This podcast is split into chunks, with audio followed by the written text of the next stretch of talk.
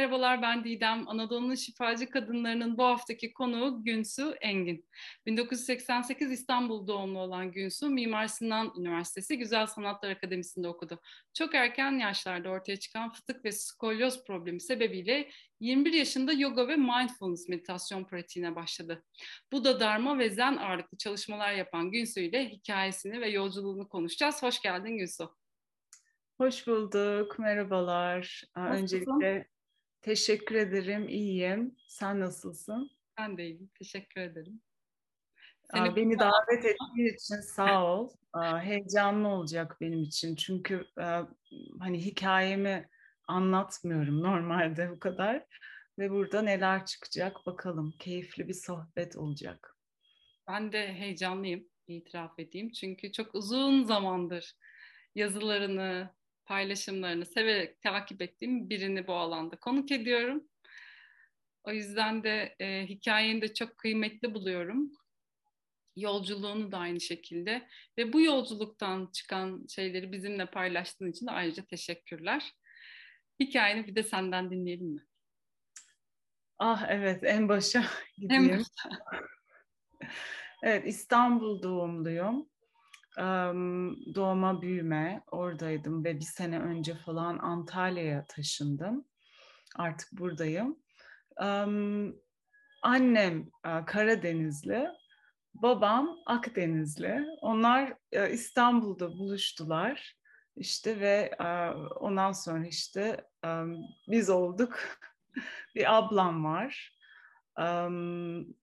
annem ve babam ikisi de yine Mimar Sinan Üniversitesi'nden ve annem grafik tasarımı yapıyordu ve babam da ressam, mimar ve o da grafik tasarımcısı. Hatta şu an ablam da grafik tasarım yapıyor. Bir ailede ben ayrı bir şey yapıyorum falan. Sen hangi bölümde okudun güzel sanatlarda?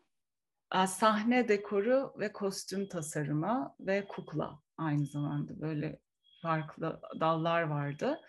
Um, evet yani sanatla büyüdüm ve um, babam hatırlıyorum böyle evde Beethoven ve Mozart falan dinliyordu. Yani küçükken biz 5-6 yaşlarındaydım ve uh, çok hoşuma gidiyordu hatırlıyorum.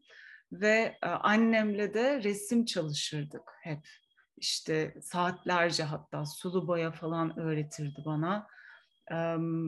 Bir şey ortaya çıkarırdık birlikte nasıl teknik olarak öğretirdi resmen. Ve böyle çocukluk dönemini hatırladığımda hep böyle aktivitelere götürürlerdi.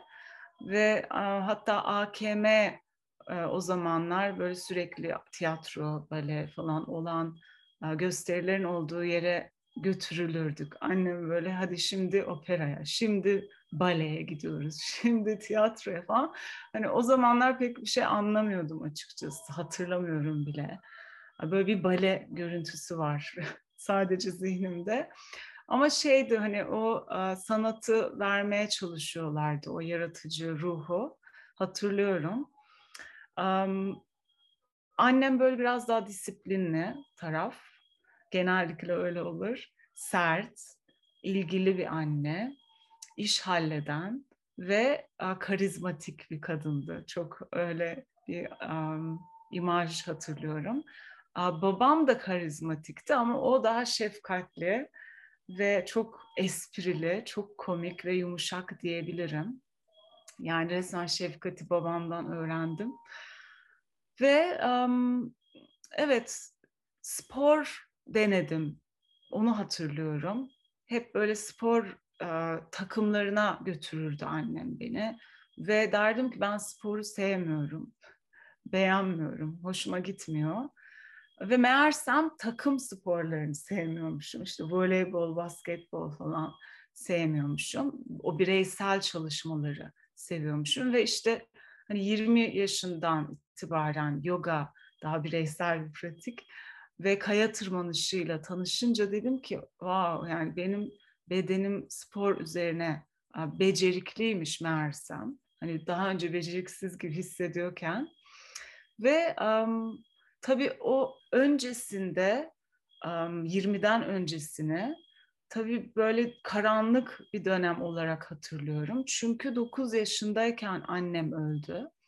Ve o zamandan itibaren derin bir yaz dönemi başladı. Ve tabii ki bu bilinçli olmuyor o yaşta bir yas tutacağım falan diye. Hatta tutulmamış oluyor yaslar çoğu kez o yaşta. Ve şimdi 30'larımızda tutuyoruz yani yasları. Ve şeyi hatırlıyorum. Annemin öldüğü gün dedim ki cenazede kendime şu anda 9 yaşındayım ve annem öldü ve hayatım bir daha eskisi gibi olmayacak. Ve bunu tekrar tekrar bir mantra gibi falan söylediğimi hatırlıyorum. Sahiden de e, eskisi gibi olmuyor.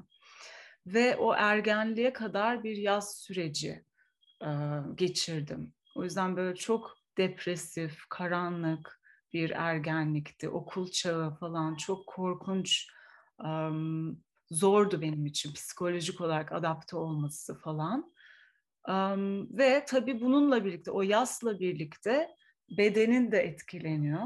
İşte fıtık, tabii o zamanlar bilmiyordum onu daha sonradan anlıyorum. Ama skolyozu biliyorduk falan bak, baktırınca ortaya çıkıyor. İşte skolyoz, omurga eğriliği ve fıtık ağrıları yaşadığımı hatırlıyorum. Ama bunlar çok şiddetli ağrılar. Yani var olanlar bilir ve böyle yataklara düşüyorsun ve hareket edemiyorsun neredeyse. Kaç yaşlarındaydın tahmini?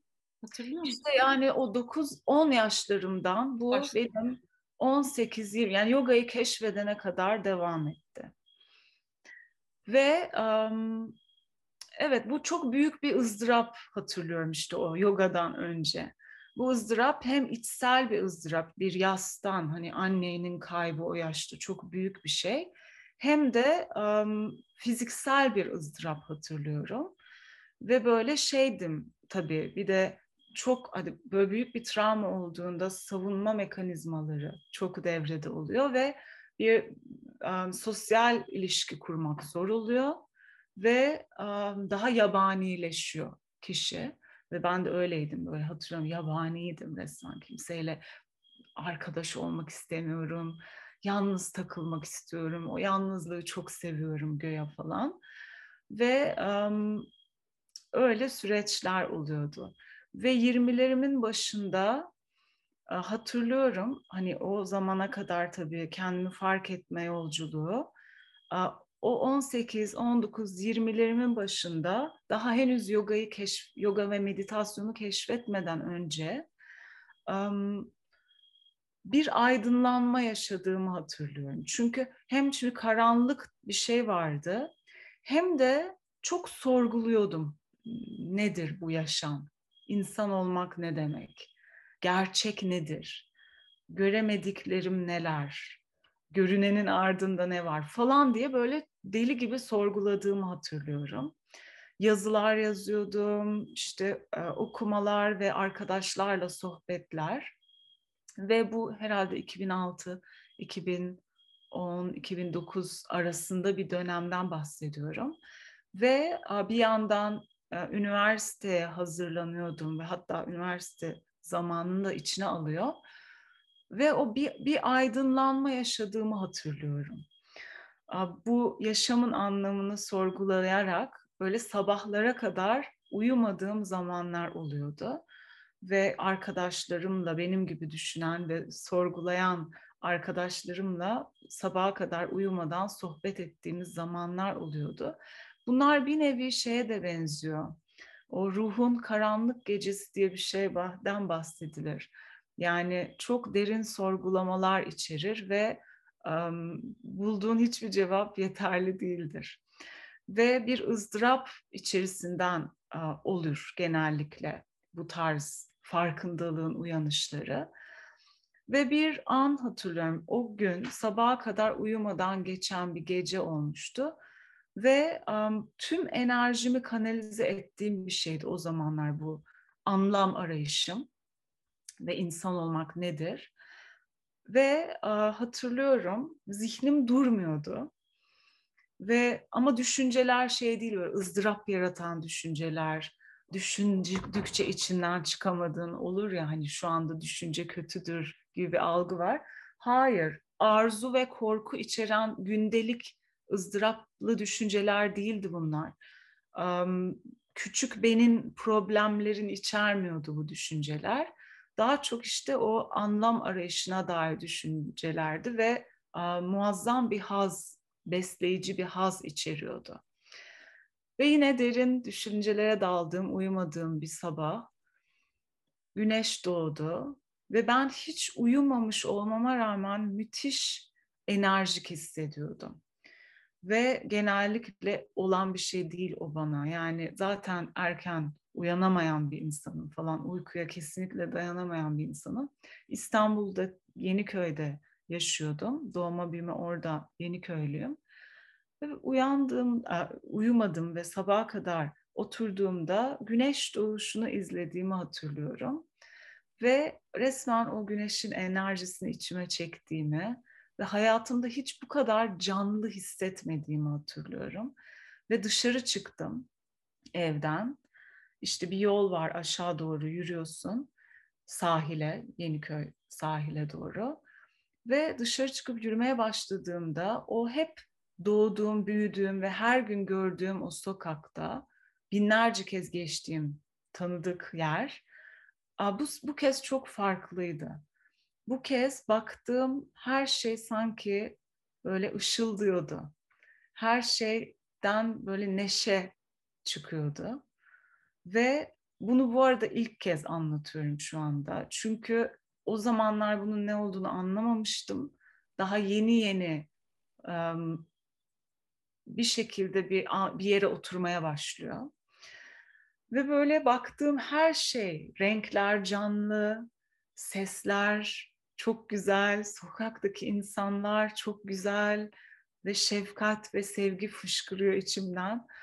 Ve bu hatta, hatta aşık olduğunda da böyle hissedersin ya her şey bambaşka olur. Ama o aşkın içinde bir koşullu bir şey vardır. Hani aşık olduğun kişi sana bir şey kötü bir şey derse hemen yine çökersin. Bu öyle bir şey değil. Hiçbir dış koşula bağlı bir şey değil. Ve a, muazzam bir enerji ve mutluluk. Her şeyle bütün hissettiğim bir şey hatırlıyorum. Ve burada hiçbir korku yok, hiçbir endişe yok ve hiçbir daha fazlasını isteme hali yok. Şimdi bunu anlattım çünkü bu herkes için müsait ve yoga ve meditasyon yapmamıştım. Hiç daha önce başlamamıştım. Bilmiyordum ne demek içe dönüp kendini gözlemlemek falan. Bu sadece bütün enerjimi kanalize ettiğimde, hizalandığımda olan bir şeydi. Ve bu coşku dolu bir haldi ve geçiciydi. Her şey gibi. Şimdi tam geçici. onu soracaktım aslında. Evet. Ve ona tutunmuyorsun tutunamıyorsun çünkü. Zaten geçiyor ve en tehlikelisi zaten bu halleri bir kez yaşadığında hep her yerde onu arıyorsun. Sen Bunlar. aradın mı peki? Ben aramadığımı hatırlıyorum şimdi bakınca. Çünkü bir teknikle varmadım oraya.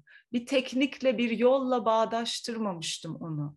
Eğer yoga ve meditasyonla o hal olmuş olsaydı belki yine her yoga ve meditasyonda onu arayabilirdim. Bilmiyorum çünkü oluyor o. Ama aradığımı hatırlamıyorum. Fakat çok üzerine durduğumu da hatırlamıyorum. Yani şu an baktığımda wow böyle bir şey olmuştu ya ve hiçbir hisse benzemiyordu. Hiçbir dış koşulla ilgili değildi. Sadece bir sabah uyanmıştım ve böyle hissetmiştim. Ve tabii ki geçiyor. Tabii ki yine ızdıraplı bir yaşama dönüyorsun. Ama işte böyle haller olabiliyor. Bunlar müsait herkes için. Sadece işte bütün ve hiçbir teknikle ilgili değil bu arada. Hiçbir yolla ilgili değil. Hatta şeyi de biliyorum Eckhart Tolle'nin aydınlanmasıyla ilgili anekdotlarında da anlatır. O da meditasyon yapmadan önce olmuş. Yani meditasyon hiç bilmezken olmuş ve hiçbir teknikle ilgili değil. Bu sadece bütün enerjini, düşünceni, dikkatini kanalize etmekle ilgili bir şey olduğunu anlıyorum. Yani o teknikler araç oluyor aslında. Yanlış hatırlamıyorsam hatta galiba benzer bir hikaye. O da sabaha kadar oturuyor ve buna kafa yoruyor. Öyle hatırlıyorum. Ha öyle miydi? Ben evet. onu şey diye hatırlıyorum. Derin bir ızdırap. Evet ızdırap ama o işte gece yani seninkinden farklı ama o da sabaha kadar o onun içinde kalıp onu yaşayıp evet. ondan sonra bir şey çıkıyor. Evet. Ve oradan bir benzerlik kurdum ben de. Peki şey evet. Benzer oluyor zaten sanırım. Ya ben aydınlandığımı falan iddia etmiyorum yani bu arada. Sadece böyle bir haller oluyor ve ve o haller herkes için müsait oluyor. Onu demeye çalışıyorum. Hı hı. Ve çok kez girip çıkıyoruz. Olay orada mesela Eckhart Tolle orada onu hep hatırlayabilmiş ve orada kalabilmiş. Onu anlıyorum. Olay orada onu hatırlamak ve unutmamak. Yaşamın iniş çıkışları içerisinden. Hikayeme geri dönecek olursam, döneyim mi? Dön tabii. tamam. Bir yandan tabii o haller gelip geçse bile fiziksel ağrılar ve acı, ızdırap devam ediyordu bende. Ve e, tabii araştırdım. E, bu arada doktorlara gidiyorum falan işte diyorlar ki sen e, işte tekerlekli sandalyeye mahkum bile kalırsın falan. Öyle şiddetli şeyler söyleyip beni iyice depresyon sokuyorlardı falan. Hatırlıyorum yani sabahlara kadar böyle ağlıyordum umutsuzluk ve çaresizlikle. Niye ben, neden ben falan diye ızdırap dolu. Ve sonra dedim ki ben bunu çözeceğim. Yani bu böyle olmaz. İyileştireceğim kendimi. Araştırdım internetten ve yogayı keşfettim. Ve videolarla işte YouTube'dan videolarla yoga dersleri yapmaya çalıştım kendimce. Ama tabii ki hem işte skolyoz ve fıtık olunca çok daha korkuyorsun ve e, tek başıma yapmaktan çekindim. Daha kötü olur muyum falan. O genel bir korkudur zaten. Neyse o sırada tam um, Cihangir Yoga İstinye Şubesi açıldı. Yeniköy, yani İstinye'de benim evimin yakınında. Ve hemen ben ilk böyle öğrenci olarak stüdyoya böyle damladım. Ve ilk dersime girdim ve hatırlıyorum hayatımda ilk kez ağrı hissetmediğim bir beden içinde bir deneyimdi. Aa bu bedende demek ki böyle de hissedilebiliyormuş. Ve aşık oldum. Hani yoga pozlarına aşık oldum zannettim tabii önce ama aslında o hissederek bedenime, dinleyerek yavaş farkındalıkla hareket etmeye aşık oldum. Farkındalıkla kendimi hissetmeye aşık oldum. Ve um, oradan sonra yoga hayatımdaydı. Yani deli gibi falan böyle abartarak günde 3-4 derse giriyordum. Ve hocalar artık sen eve git yeter bu kadar yoga falan diyorlardı. İyi geliyordu bana. Um, tabii ki yine de ağrılar devam ediyordu. Çünkü yogayı kendimi düzeltme niyetiyle yapıyordum. İşte sağ ve sol tarafımı dengeleyeceğim. Öyle bir pratik yapacağım ki çok çalışırsam omurgam düzelecek ve fıtık falan ağrım kalmayacak ve o zaman işte mutlu olacağım. O zaman sağlıklı olacağım. Bir de o zamanlar böyle bir sağ sol denge, işte iyi kötü falan o takıntılarım vardı yani böyle bir dualite içindeydim. Ve um, uzun yıllar kendimi düzeltmek için yoga pratiği yaptığımı hatırlıyorum. Bütün o pozları yaparken bir hedef odaklıydım. Hiç kendi bedenimi o anda kabul etmekle ilgili değildim aslında. Ve o uzun yıllar dediğim hani üç sene falan kadar çok yoğun yoga pratiğinde yine de hala ağrılarım vardı. Hala kendimi kabul etmemiş haldeydim. Mutlu değildim. Kendime şefkatli değildim zaten. Ve e, sonra zaman içerisinde e, mindfulness yani olanı olduğu gibi görerek olmasına izin verme halini pratiğime eklediğimde ve şefkati yani kendi acıma duyarlı olarak kendimi değiştirmeye çalışmayı bırakıp e, kendi acımı nasıl daha kökten azaltabilirime odaklandığımda pratik değişti orada. O bir dönüm noktasıydı. Yani yaptığım yoga pozları değildi dönüm. O da bir o da bir değişikti. O da bir iyi bir şeydi bedenimi egzersiz etmek. Ama asıl dönüm noktası niyeti değiştirmekti. Pratiği yapmaya devam ederken. Pratik değişmedi. Aynı pozlar. Ama niyeti değiştirdiğimde hatırlıyorum o zaman kabul oldu. Yani kendimi olduğum gibi kabul edebilmeye başladım. Artık bedenimi değiştirmeye odaklı bir pratik yapmaktansa hani eksik bozuğum da şunları şunları yaparsam düzeleceğim gibi bir yerden çıktığımda orada o kabulle birlikte içsel çatışma sona eriyor tabii. Ve güven de hissetmeye başladım. Kendi bedenimde güvende hissetmeye başladım. Çünkü öncesinde kendimi değiştirmeye çalıştığımda bu şeydi. Kendime tehdit oluşturuyorum. Yani hem e, saldıran hem saldırılanım resmen ve kendimden kaçamıyorum. Bu hepimizin aslında yaşadığı bir şey ve kendini kabul etmek oldukça zor. Bunu sen nasıl başardın? Yani o kendini kabul haline nasıl geçtin? Aa, o kadar spesifik olmuyor o geçişleri aa, anlamak. O böyle oluyor işte. Hayat yol seni götürüyor. Şimdi öyle çok net bir şey hatırlamıyorum ama dediğim gibi niyeti değiştirdiğimde. Bir şekilde yol beni o mindfulness ve şefkatle hareket etmeye ve meditasyon yapmaya yöneltince öğrendiklerimle, okuduklarımla, hocalarla ve baktım ki diğeri işe yaramıyor ve ızdırap devam ediyor. O zaman sağlıklı bir şüphe duyarak, o çok önemli, sağlıklı bir şüphe. Hani orada işte dönüştü ve orada ağrılarım azaldı. Bu çok ilginç farklı bir şey yapmadım. Kendime stres yaratmayı bıraktığımda, kendimle rahat olabildikçe resmen fıtık ve skolyoz ağrım azaldı. Çoğu zaman hiç pratik yapmasam da ağrımın olmadığı zamanlar olmaya başladı. Bu çok önemli. Çünkü şey oluyor, bağımlılık olabiliyor pratik. Pratik yapmadığında ağrı geri geliyor. Pratik yapmadığında üzüntü, öfke geri geliyor o zaman orada kökten bir dönüşüm yok demek ki. Orada başka bir şey oluyor pratik. Bir bağımlılığa dönüşüyor. Amacımız böyle 90 yaşına kadar pratik yapmak değil. Yani e, bir yerde artık pratik yapmam gerekmesin ve ben o halde olabileyim. O algıya yerleşebileyim. O pratikler bir şey, bir beceri geliştirmek için.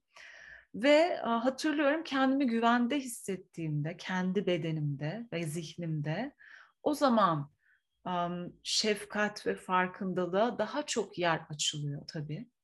O da birlikte gidiyor. Şefkat oldukça güven oluyor, güven oldukça şefkate daha çok yer açılıyor falan. Ve o zaman ağrılar şifalandı. Yani bedenim şifalandı. Zihinsel olarak bir şifalanma oldu falan. Ve işte evet yoga fiziksel olarak ve zihinsel olarak böyle bir dönüşüm yarattı. Ama yoga derken işte mindfulness ve şefkati içeren bir tavırla yoga yapmak. Ve şeyi hatırlıyorum, yogaya başladık, başlamadan önce tabii sigara içiyordum. Ve yogaya başladıktan sonra da içiyordum sigara. Yani deli gibi içmiyordum tabii ama her gün içiyordum. Çok yoğun bir içici değildim sadece. Ve şeyi hatırlıyorum. Bilir misin Özlem Özülker'i? Evet, onunla da yapmıştık. Müthiş bir insan. Benim için çok değerli, şifacı birisi. onunla çalıştım. Ama sigara için değil. Sanırım skolyoz için çalışmıştım. Evet, skolyoz için gidiyordum ona. Ve böyle gidiyordum evinde, seans veriyordu bana. Ve bana böyle bir ne yapmıştır? Re, refleksoloji mi deniyor ayağa yapılan? Ayağa yapılan evet. Ha, tamam bana refleksoloji yapmıştı. Ve hayatımda böyle bir acı hatırlamıyorum. Çok canı yanmıştı. Çığlık çığlığa. Sonra eve gittim o gün. Ve bunlar benim hayatımda böyle paranormal olaylardır yani nasıl yani falan dediğim. Ve ertesi gün uyandığımda artık sigara içemiyordum. Artık sigara içmek istemiyorum. Kokusunu bile sevmiyorum, istemiyorum falan. Böyle beş sene içmedim. Beş altı sene sigarayı bıraktım. Resmen böyle çat diye oldu. Ve um, o mesela çok iyi. Ona hala anlam veremiyorum. Sonra özleme dedim ki hani ne yaptın bana? Sigarayı bırakmak isteyen arkadaşlarımı yönlendireceğim falan. O da bilmiyorum yani işte demek ki zamanı gelmiş. Sen de bu şekilde etki etmiş falan dedi. Yani şey oluyor işte bir yola giriyorsun ve hizalanmaya başlıyor bir şeyler. Yani hiç bazı şeylere niyet etmeyebilirsin ama oradan şifalanmalar oluyor. Yani bedenimi dinlediğimde, bedenime şefkat geliştiğinde artık bedenime zarar veren şey istememeye başlama fırsatı oluyor resmen yani. Bedenin bilgeliği oluyor herhalde o ızdırap azaldıkça. Ve um, hani sigarayla şu anki ilişkim şey mesela yol tabii daha esnek olmayı öğretiyor. Um, şu an mesela canım çektiğinde ayda yılda bir kez keyifle içmeyi çok seviyorum. Öyle bir şey var. Hani öyle katı olmak değil olay tamamen. Sonrasında yoga yolculuğu devam ederken tabii ki travmalarınla çalışma aşamasına geliyorsun bir yerde ve o hareket pratiğinden çıkıp artık duygusal dünyana bakmana hizmet eden çalışmalar iyi oluyor.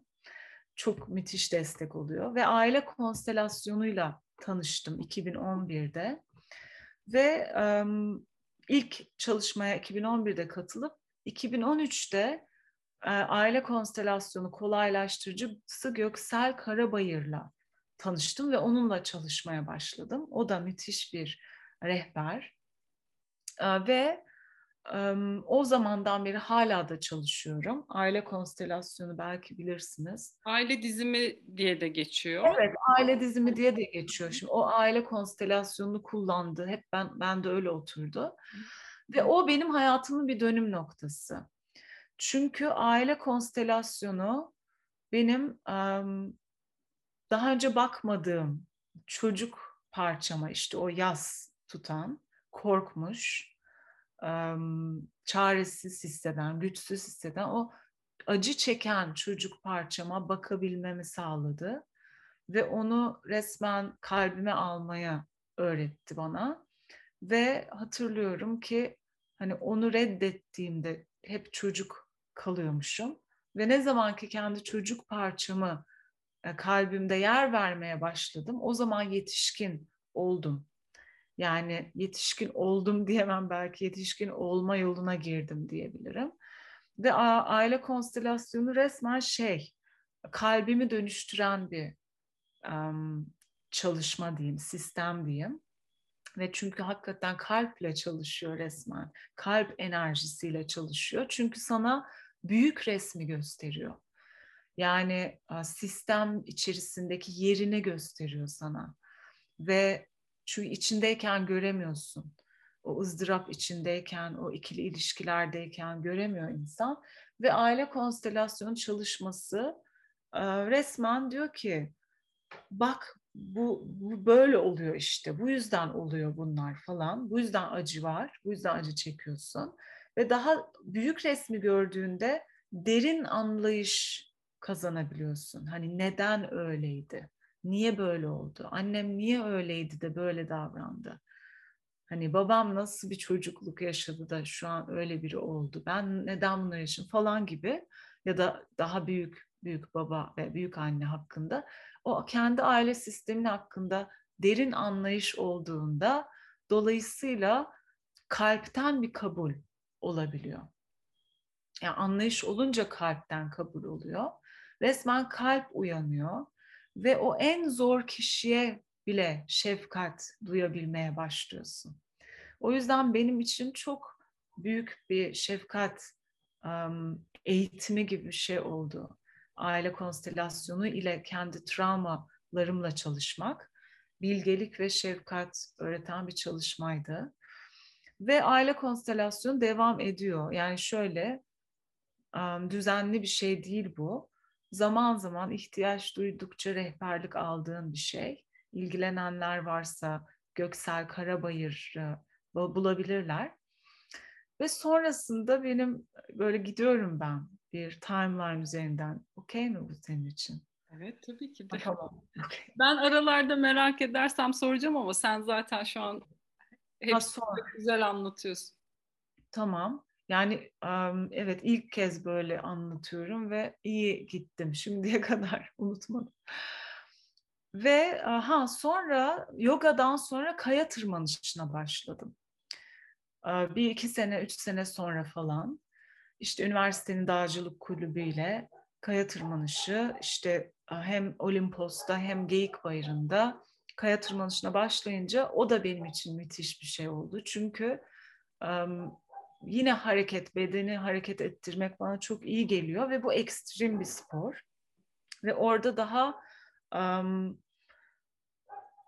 hani yoga daha yumuşakken ki gerçi yoga da benim için ilk başlarda daha um, akrobatik hareketler yaptığım, daha power yoga stilinde bir şeydi.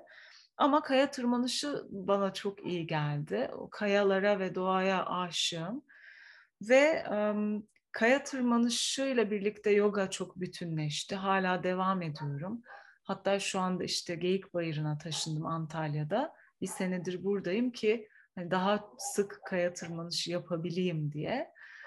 Ve şeyi öğretiyor bu tırmanış bana. Bu arada çok hani alakasız gözükse de insanlar zannedebilir ki vah işte çok cesaret ister kaya tırmanışı, kayalara yukarı çıkmak.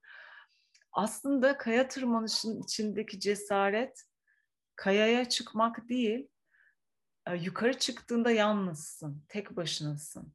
Böyle grup çalışması, grup sporu değil bu. Tek başına kalıyorsun ve o yukarısı işte 40-50 metre belki yüksekte. Ve orada asıl cesaret oraya çıkarken ortaya çıkan, tetiklenen duygularla, özellikle de korku duygusuyla arkadaş olabilmeyi öğrenmek. Ve benim yolum ondan geçiyor. Hani bu özellikle 28'lerden sonra falan oluyor sanırım herkeste. Ben yalnız değilimdir eminim.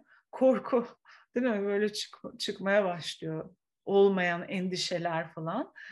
Benim için hani kaya tırmanışı muazzam bir korku duygusuyla birlikte o korkuyla arkadaş olmayı bana öğreten, hani resmen böyle paralize olan bir yerden böyle rahatlayan bir yere dönüştü. Um, hani duygularla arkadaş olmak diyebilirim. Benim bütün bu yoga, aile konstelasyonu, tırmanış bunlar hep böyle araçlar. Ama yolum hep o duygularla, zor duygularımla arkadaş olmayı öğrenmekti aslında. Tırmanış beni bir şifacıya sonra götürdü. Nasıl? Şöyle ki sakatlandım kaya tırmanışında herkese olduğu gibi. Dizimi sakatladım ve işte bükemiyorum falan menisküs zedelenmesi oldu klasik. Ve işte ne yapacağız falan. İşte ar, ha, doktorlar yine en olumsuz yönüyle bana işte merdiven çıkma falan, tırmanma, yürüme, oturma, kalkma falan diyorlar. Ben yine dinlemiyorum ve dedim ki ben bunu çözeceğim. Bir tane arkadaşım o zamanlar şey dedi, bir tane şifacı var ona gitsene, bir dene falan dedi. Ben de o zamana kadar hiçbir şifacıya gitmedim. Ve yani nasıl yani dizimi mi iyileştirecek yani? Böyle kırıkçı çıkıkçı de, denilen. Yok değil anlatayım. e, iyi tamam gideyim ne kaybederim ki falan diye gittim. Alex Kalenderoğlu bu arada ismini vereyim. Çünkü hep işte bir canlı yayın da yapıyorum Instagram'da artık biliniyor. Birlikte kamp inziva da yaptık. Um, Alex'e gittim. Ve o zamanlar o da e, nerede oturuyordu? Şişli mi? Osman Bey. Oralarda bir yerde oturuyordu. Ve evinde insanları e, seans alıyor.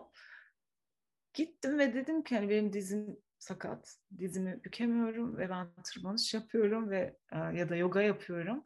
ve hareket etmek istiyorum. Ben sen beni iyileştirebilir misin? O da tamam dedi. İşte tabii ki orada böyle anlatınca çok absürt olabilir yani. Ama yine de deneyeyim. Çalışma şekli şey, biyoenerji. Yani ellerle dokunarak şifa. Ve hem bir yandan tabii konuşuyor çünkü o da o zamanlar aile konstelasyonu kolaylaştırıcılığı eğitimi de alıyordu Göksel'den.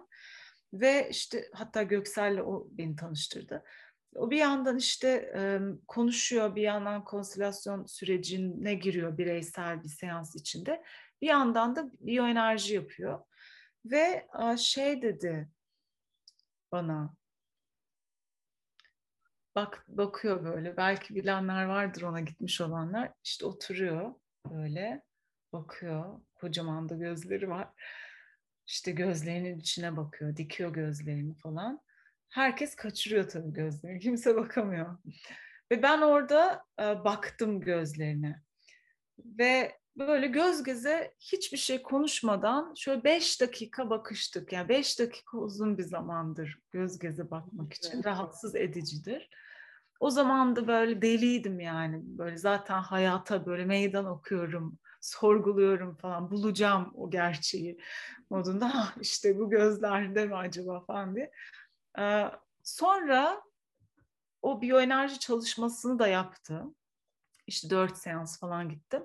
Ve hakikaten dizim iyileşti. Hiçbir şey kalmadı yani resmen hani merdiven çıkma, oturma kalkma noktasından çıkıp aynı eski eski halime geri döndüm yani. Sanki dizimde hiçbir şey olmamış gibi. Bir daha da tekrar etmedi. Sonra Alex'e gittim. Dedim ki Alex ne biliyorsan bana öğretir misin? Yani ben bu yaptığını öğrenmek istiyorum. O da tamam dedi ve um, bir üç sene kadar usta çırak ilişkisiyle bir yolculuğa çıktık onunla. Um, benim için çok dönüştürücüydü o çünkü birebir bir yolculuk ve hani böyle bir grup çalışması ve eğitimi gibi değil ki o da zaten e, bir tek bana öğretmişti. Ondan sonra da kimseyi öğrenci olarak almadı ve onu öğretmiyordu zaten. Ben istediğim için herhalde bir de ışık mı gördüm bilmiyorum. Ter, tercih etti bana öğretmeyi.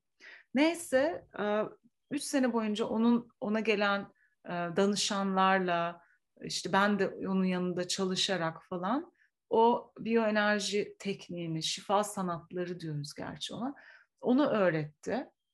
Ve um, tabii ki oradaki o şifa çalışması ellerle benim için geri plandaydı. Benim için oradaki asıl öğrenme alanı şeydi. Tanımlarla çok um, ilgiliydi. Doğru tanımları yapmak ve ortak dili bulmak. Çünkü bir sürü tanım var ve bu tanımlardan dolayı acı çekiyoruz. Merkezlenmeyi öğretti bana ve esnek olmayı öğretti. Çok serttim, çok katıydım ve bir fanatik bir zihin yapım vardı. Ve o onları hatırlıyorum şimdi. İnsan ilişkilerinde daha etkilenmeden kalabilmeyi öğrendim. Yani o ellerle şifayı yapmadım ondan sonra. Ve um, böyle ya o kadar çok var ki yani şu anda böyle anlattıkça aklıma geliyor. Daha çok böyle şifalanma vakaları benim vakalarım, fiziksel şifalanmalar ve onun akabininde tabii duygusal dönüşüm veya tam tersi. Sonra ha bu arada Tai Chi e, eğitimine de başladık o sırada Alex Tai Chi de öğretiyor. E, eş zamanlı hem Tai Chi hem şifa sanatları çalıştım bir üç sene kadar. Ve um, hala tabii ki o ağrılar çat diye geçmiyor. O beden, o kemik yapısı zaten değişmiyor. Ve ağrılarım hala arada bir var falan. Ve bir Tai Chi dersinde böyle kaldım. Belim tutuldu. Ve oturamıyorum, kalkamıyorum falan. Ve işte Alex beni şeye götürdü. Kendi ustasına bu sefer. Çünkü onu da açtı o sırada. O tutulma hali. Dedi ki gel işte seni birine götüreceğim. Ve ben tabii o zaman böyle nereye gidiyoruz, ne oluyor, o kim falan. Bir de 25 yaşındayım falan o zaman. Ve korktum falan ne oluyor. Beni bir şaman şifacı bir e, hocası vardı ona götürdü. Ve e, çok ilginçti. O da dedi ki bana baktı böyle. Aa dedi bu, bu dedi benden de yaşlı dedi. Adam 85 yaşında. Bu dedi benden sen ne yaptın vücudun? Hani benim bedenim böyle 90 yaşında birisi gibi falan acı içindeyim. İki büklüm. Ve sonra işte o da benimle bir çalışma yaptı ve işte kupa yaptı hatta hatırlıyorum. O da çok acı veriyordu. Sonrasında e, yine bu çok ilginç. Belki yine bir paranormal olay olarak anlatacağım.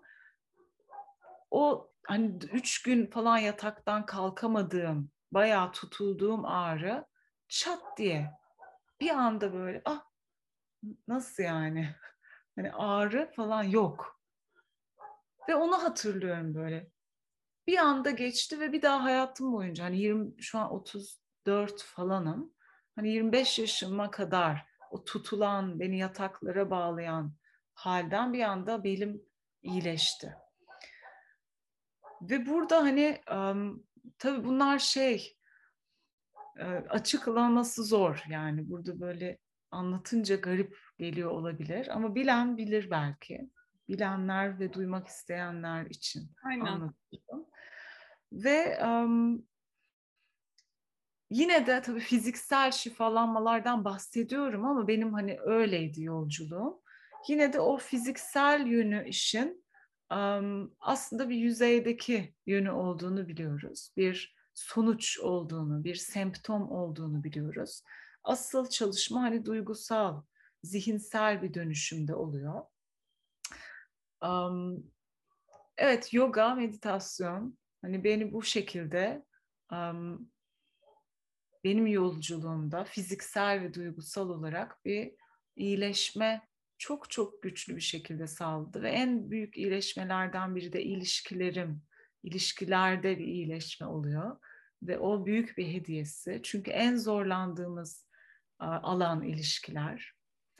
En büyük ızdırabı ilişkilerimizde çekiyoruz, yakın ilişkilerimizde, ebeveyn ilişkilerimizde.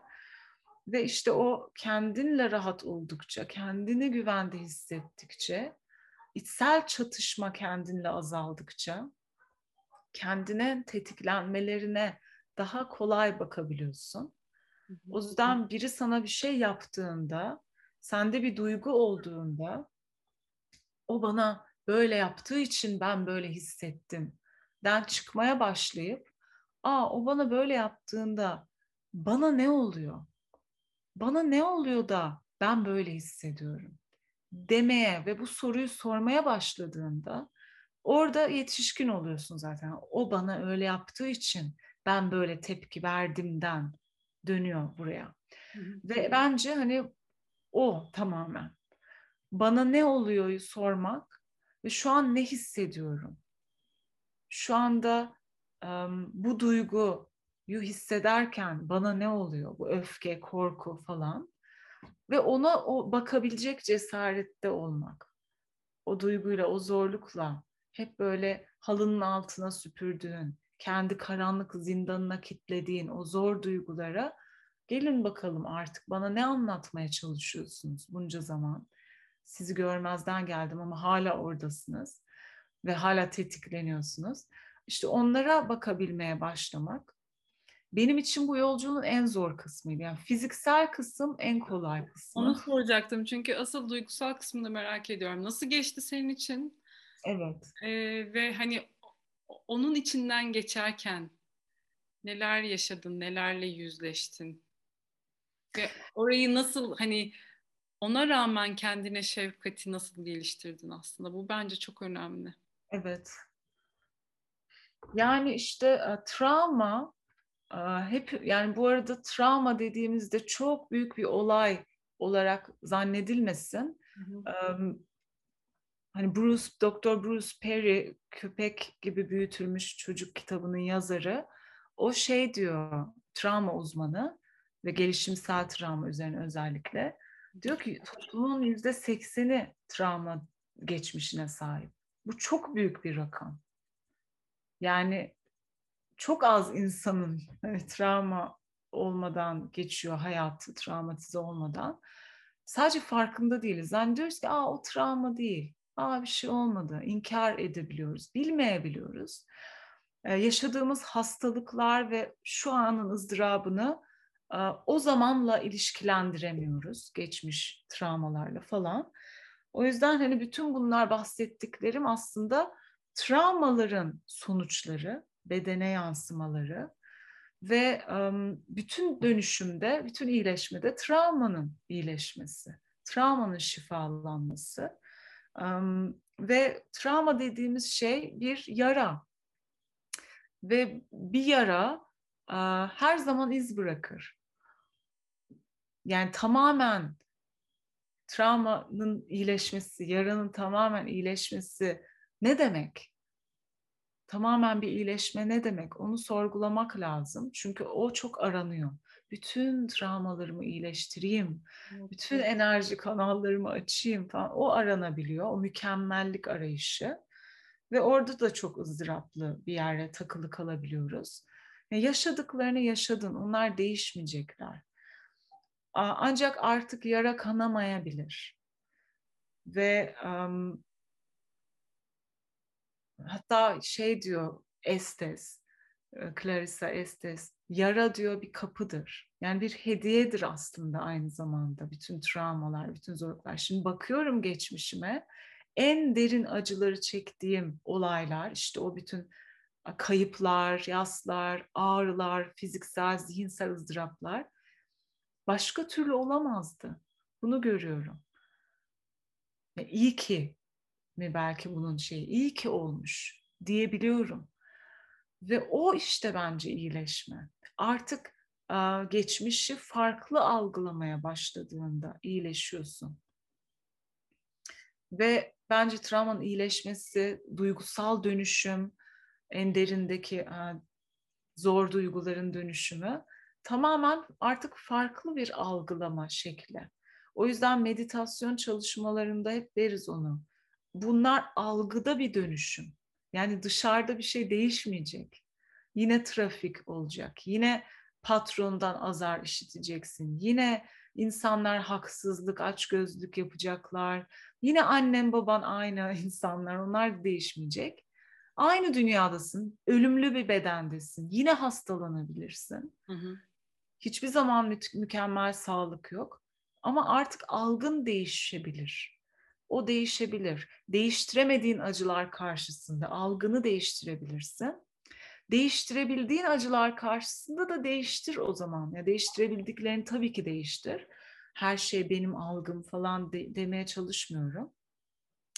Um, benim için şey oldu tabii değiştiremediğim acılar karşısında algımın dönüşümü muazzam bir hediyesi oldu bütün pratiklerim.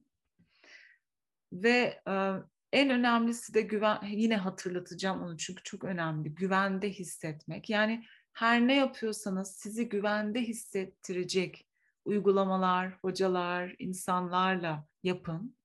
Çünkü işte o hep kendini eleştiren, düzeltmeye çalışan tavırla yapmak güvenlik yaratmıyor. Orada hep tehlikedeyim, stres altındayım. Kendine stres yaratıyorsun. Güvende olmayı öğrenerek iyileşiyoruz. Hatta Stephen Porges da onu söylüyor. Hı hı. Bir insanı iyileştirmek istiyorsanız diyor, onu güvende hissettirin yeter. Evet, doğru. Ben e, kendim de dahil olmak üzere çevremde Evet, şefkatten çok uzağız ve sürekli suçlama halindeyiz. Hı. Sürekli eleştirme halindeyiz.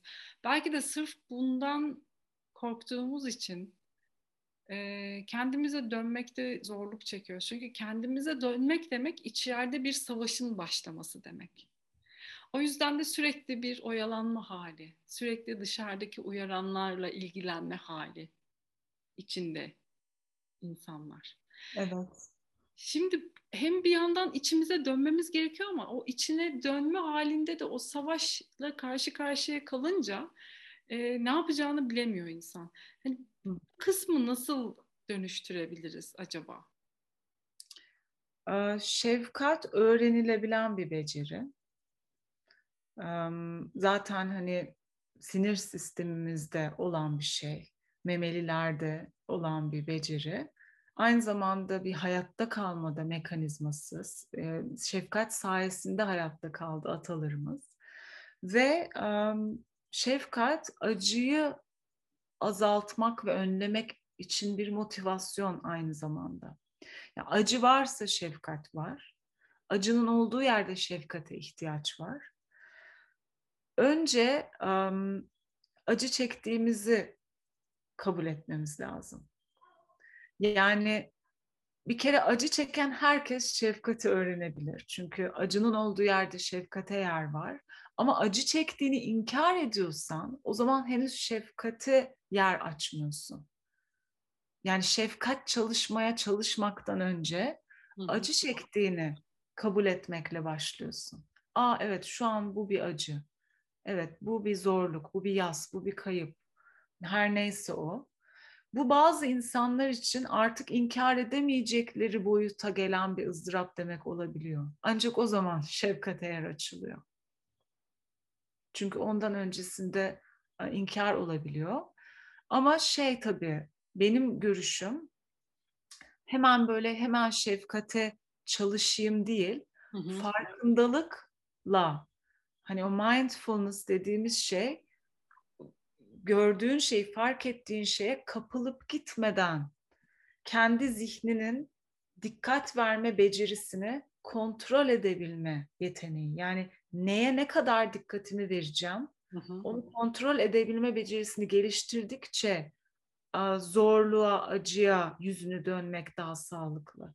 Yani o zaten dikkati acıya odaklı, takılı kalan bir zihin halinden, eğitilmemiş bir zihin halinden hop hadi acıma bakayım, kendime şefkat göstereyim yeri tetikleyici oluyor. Zor oluyor, yapamadığını görüp bırakıyor kişiler. E, şefkat o yüzden biraz daha ileri seviye görüyorum. Şefkat Hı. meditasyonları en azından. Hı Siz şefkat meditasyonlarında acıyı düşünüyorsun, zor anı düşünüyorsun falan. O yüzden kişiler önce soğukkanlılıkla bakabilme, gözlemci kalabilme becerisini geliştirmeli. Hı hı hı. Ve önemli olan şey şu, şefkat zorlayarak olmuyor. Yani orada bir çelişki oluyor zaten. Zorla Zorlayarak olmuyor. Tabii yani çünkü orada yine bir bir um, strese sokuyorsun kendini. Yani zorla şefkat hissedemezsin. Şefkatin bir yine anlayış temeline ihtiyacı var. Derin bir anlayış sahibi olduğunda kolaylıkla ve doğallıkla şefkat kendiliğinden geliyor. Hı hı. Yani şefkat genellikle bir sonuç oluyor. O anlayış ve kabul olduğunda. Hı hı. Peki, sana o pardon. Burada şey sormak istiyorum. Bu anlayış ve kabul için hani e, neler yapmak gerekiyor? Hı. E, ve özellikle de meditasyon yapamıyorum diyenler için neler söylersin? Hani illa bunun yolu meditasyon mudur?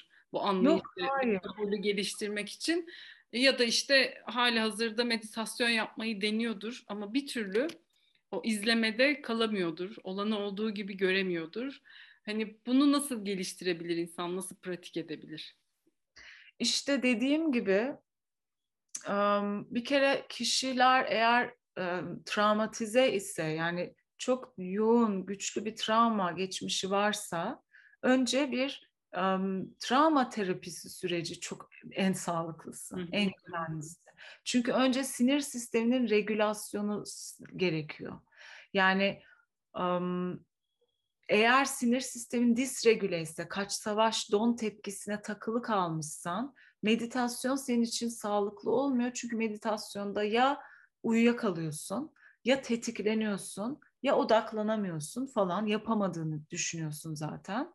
O yüzden o travma terapisi süreci sinir sistemi regülasyonu için ve dolayısıyla güvenlik temelini yaratan şey sinir sistemi regülasyonu ve benim için o aile konstelasyonuydu hatta travma e, çalışması Ve a, orada da derin anlayış. Dedim yani orası bir derin anlayış kazandığın yer.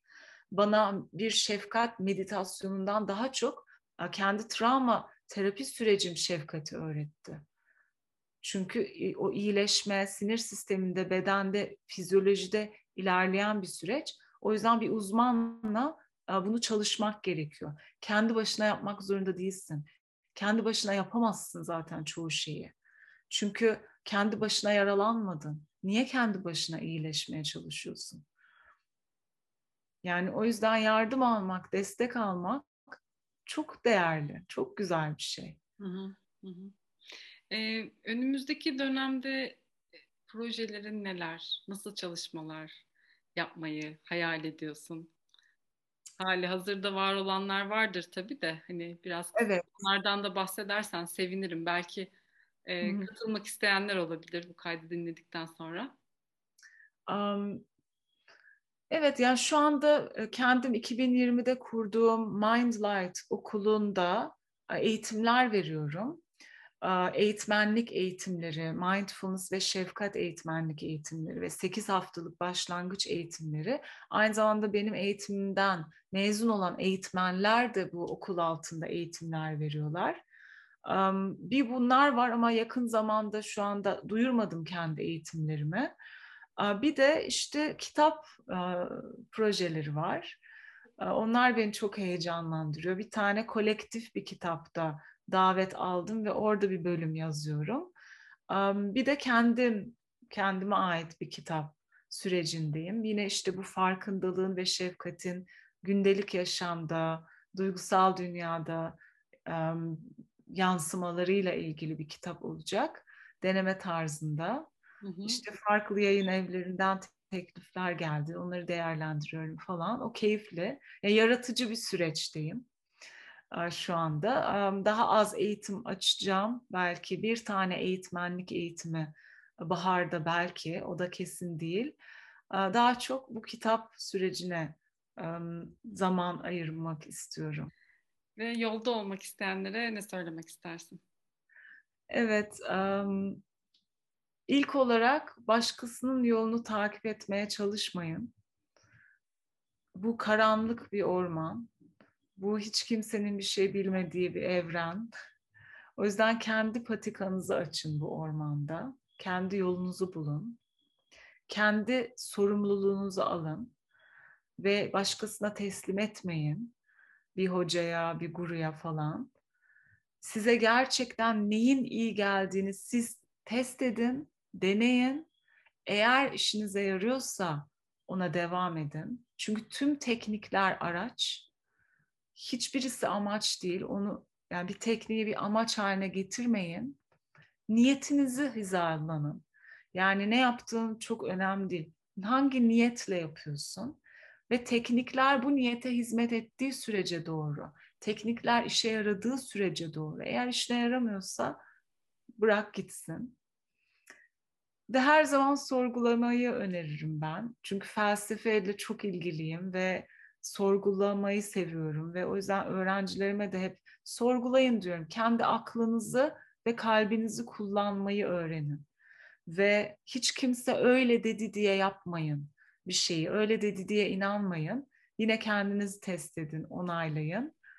Ve um, evet bu aklıma gelen. Ha bir de şey var. Gereğinden fazla düşünmemek için zihninizi eğitin. Başka eklemek istediğin yani. bir şey var mı? Yok. Bu kadar. Peki. Çok teşekkür ediyorum sana. Çok, ben de teşekkür ederim. Çok keyifle gerçekten dinledim seni. Bütün bu yolculuğu böyle basamak basamak bu açıklıkla, şeffaflıkla paylaştığın için çok teşekkür ediyorum e, yazılarını e, ileride bir kitap oku olarak okuyacak olmak bile şu anda hani bunun ilk haberinde vermiş oldun. E, dilerim ki yolu açılsın ve kolaylıkla aksın. Çok evet, çok sağ ol. Teşekkür ederim bana bu fırsatı verdiğin için. Ben de kendi içime doğru bir yolculuk yapmış oldum resmen. Yeniden böyle hatırladım. İlginçti. Dilerim dinleyen herkese de şifa olsun. Onların yoluna ışık tutsun senin bu deneyimlerin, yaşadıkların şifa yolun ve e, dileyen de senden şifasını bulsun. Ee, ve çok teşekkür ediyorum tekrar kabul ettiğin için davetimi. Ve siz dinleyenlere, izleyenlere her nereden ulaşıyorsanız bu platforma size de umarım şifa olmuştur. Çok teşekkür ediyorum dinlediğiniz için. Bir sonraki programda görüşmek üzere. Hoşçakalın. Kendinize iyi bakın. Hoşçakalın.